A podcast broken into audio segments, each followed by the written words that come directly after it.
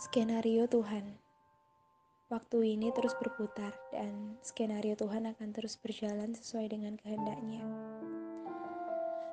Ada beberapa orang yang datang dan pergi dalam kehidupan kita dan semua itu telah diatur waktunya oleh Sang Pencipta. Kita tidak bisa memaksa seseorang untuk tetap tinggal jika waktunya sudah habis dalam hidup kita. Dan kita tidak bisa memaksa seseorang untuk tidak hadir di dalam hidup kita.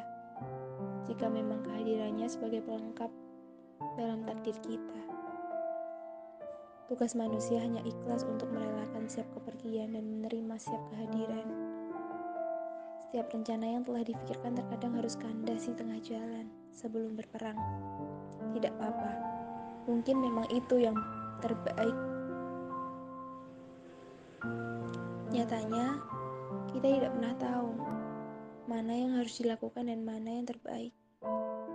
Kapan kita berbuat salah dan bagaimana cara kita memperbaiki kesalahan tersebut.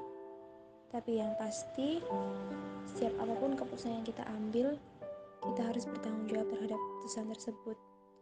Dan setiap kesalahan yang terjadi, kita harus selalu berusaha untuk memperbaiki.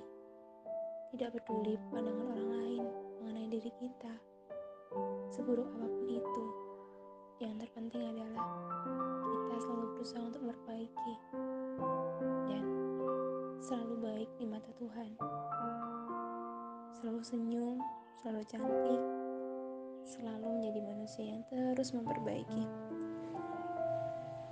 Pertahankan seorang yang bersamamu sekarang dan selalu menjadi manusia dengan kepedulian yang tinggi. Terima kasih untuk setiap manusia yang telah hadir di kehidupanku yang sudah hadir. Terima kasih telah melengkapi hari-hariku dan telah memberikan pelajaran terbaik dalam hidup ini. Terima kasih.